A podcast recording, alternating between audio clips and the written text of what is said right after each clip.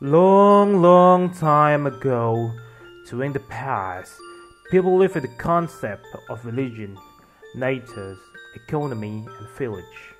These concepts were always bound to one another. Religion dictated their whole lives.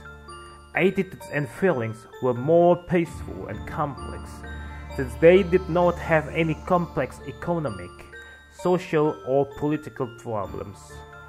People were intelligent despite the lack of technology. Most of the technological innovation we use today are as a result of their intelligence.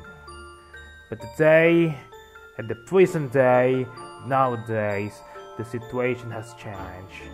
People are too busy to pay any attention to their religion and beliefs. The advancement of science and technology has also led people to question the validity of religion. People in the present are more educated, open, and free to express their opinions. The complexity of their lifestyle has made their feelings and attitudes more complicated.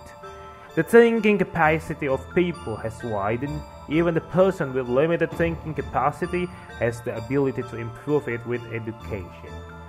So, welcome to my podcast, Brain Poke Podcast. In this podcast, we're going to discuss a sensitive topic that needs a high order thinking to do that. So, in order to follow up the podcast, there is a requirement that you need to use your ability of thinking and express it with your mouth. And that's how you do it. Okay that's it for the trailer.